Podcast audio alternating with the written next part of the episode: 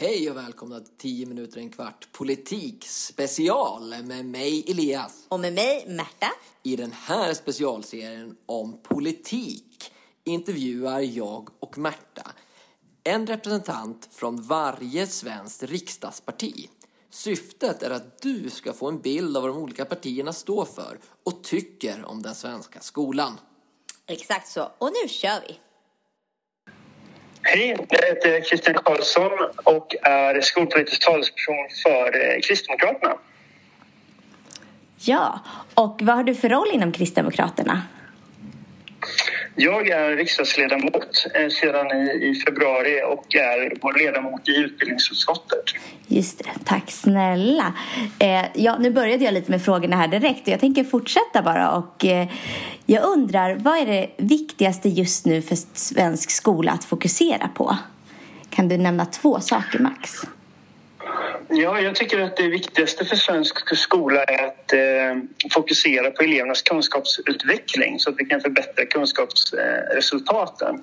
Mm. Och eh, för att lyckas med det då så, så, menar jag att vi behöver fokusera på att stärka ledarskapet. Såväl skolledarskapet som lärarnas ledarskap ute i klassrummen. Mm.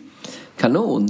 Alltså, jag jobbar ju i min roll för, för liksom en skola med ordning så att eleverna kan känna sig trygga och bemöts med respekt.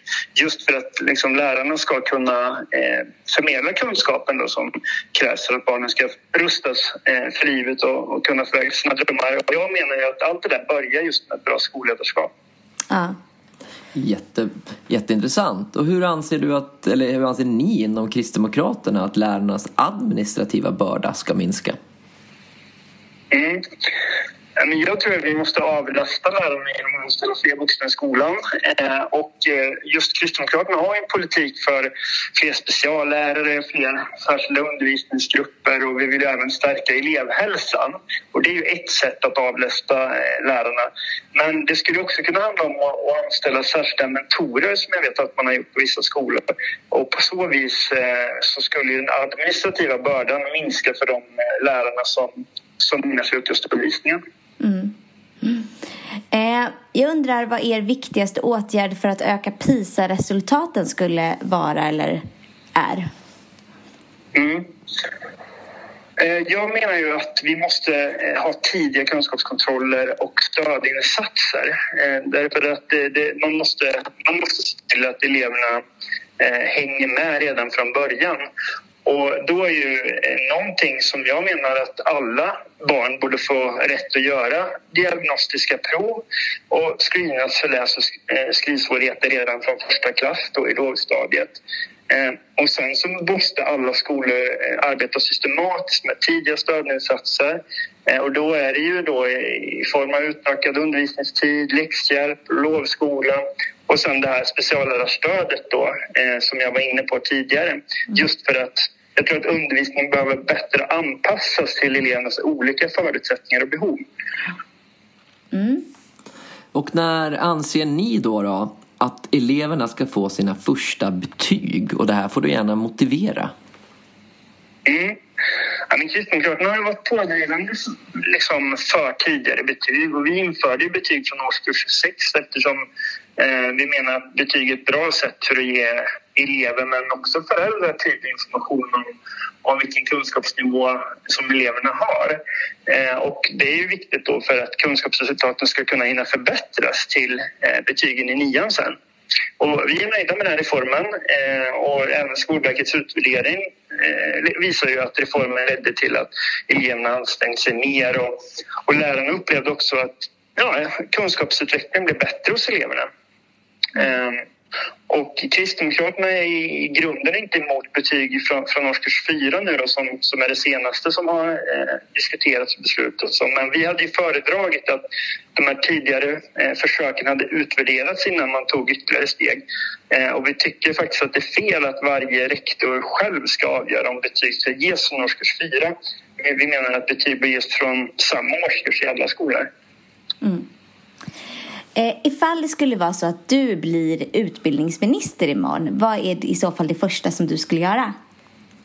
Mm. Eh, ja, men precis. Eh, det första jag skulle göra är faktiskt att tillsätta, det kanske inte låter så himla, himla spännande, men tillsätta en, en statlig utredning för att återupprätta kunskapsskolan. Vi måste börja mäta både de faktiska kunskaperna hos eleverna och det man brukar kalla för progressionen, alltså kunskapsutvecklingen. Och jag tror också det är oerhört viktigt att vi börjar ställa likvärdiga krav på skolornas eh, systematiska kvalitetsarbete. Eh, för att vi måste veta att de insatser vi gör i skolorna och liksom undervisningsmetoderna som man använder, att de har verklig effekt. Mm. Eh, vi menar att undervisningen ska vara hög kvalitet och måste vara evidenssäkrad. Och det andra jag skulle vilja göra det är egentligen att reformera lärar och rektorsutbildningarna.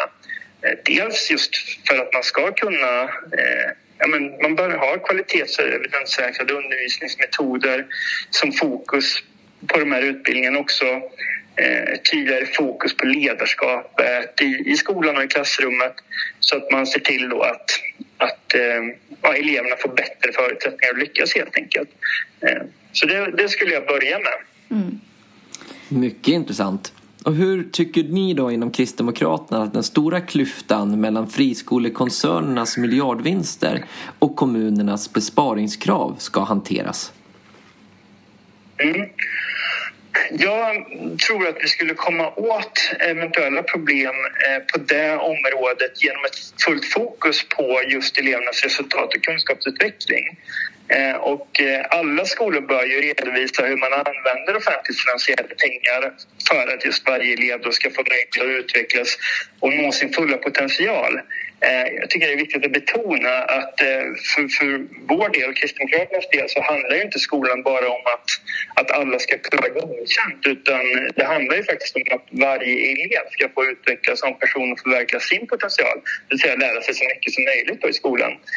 Och börjar man mäta, eh, eller börjar man liksom redovisa det tydligt så menar ju vi att man skulle kunna komma till rätta med de här problemen eftersom att vi tror att ineffektiva kommunala skolor skulle kunna lära då av de mer effektiva skolorna samtidigt som eh, om det då förekommer oseriösa friskolor som gör stor vinst utan att leverera en bra kunskapsutveckling då skulle det kunna avslöjas då i olika typer av skolrankningar och Skolinspektionen skulle också kunna eh, granska dem utifrån hur de använder sina pengar och vilka eh, resultat man når. Mm. Ja men tack! Nu är vi klara med de första sex lite mer öppna och breda frågorna. Och nu följer tre lite mm. mer snabba frågor. Eh, med korta okay. svar. Så jag kör igång dem så fort du är beredd. Ja. Då kommer första här då. Måste man vara superkort på, på, på, på Nej, nej det är okej. Man får motivera för... någonting. Jo, man får motivera lite grann. Men försöka att hålla det lite snärtigt i varje fall. Man är politiker, vet du. Kan ja. ja, jag vet. Det är därför vi... Jag ska göra mitt bästa. Ja, det är därför vi valde små korta, vet du. Men är du för eller emot, eller är ni för eller emot att förstatliga skolan igen? Um, ja, alltså vi är positiva till att utreda eh, för och nackdelar med statlig skola och även då statlig finansiering av skolan. Eh, för, för vi menar att kommunaliseringen inte medförde de fördelarna som som man trodde när man införde den reformen. Vi har inte tagit ställning för att gå mot ett statligt huvudmannaskap ännu. Eh, vi menar att en sån stor reform måste ha väldigt tydliga liksom, belägg för att det skulle bli bättre. Eh, så att, eh, om jag måste svara ja eller nej så är vi liksom då, vi säger nej till att förstatliga skolan i dagsläget. Mm. Och vad var ditt favoritämne i skolan? svenska och SO. Mm.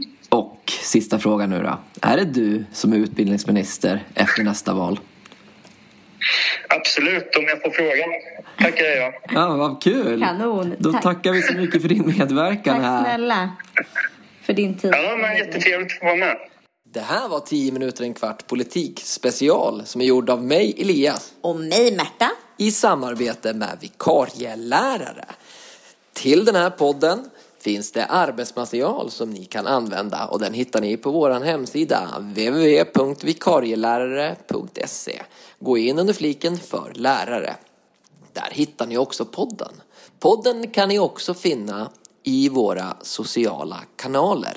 Vi finns på Facebook som vikarielärare gå in och gilla och vi finns på Instagram som vikarielärare. Gå in och följ oss där. Både på Facebook och Instagram finns vi också som Kunskapsbanken eller som Lärarnas kunskapsbank. Följ och bli medlem. Ha det så bra. Hej då!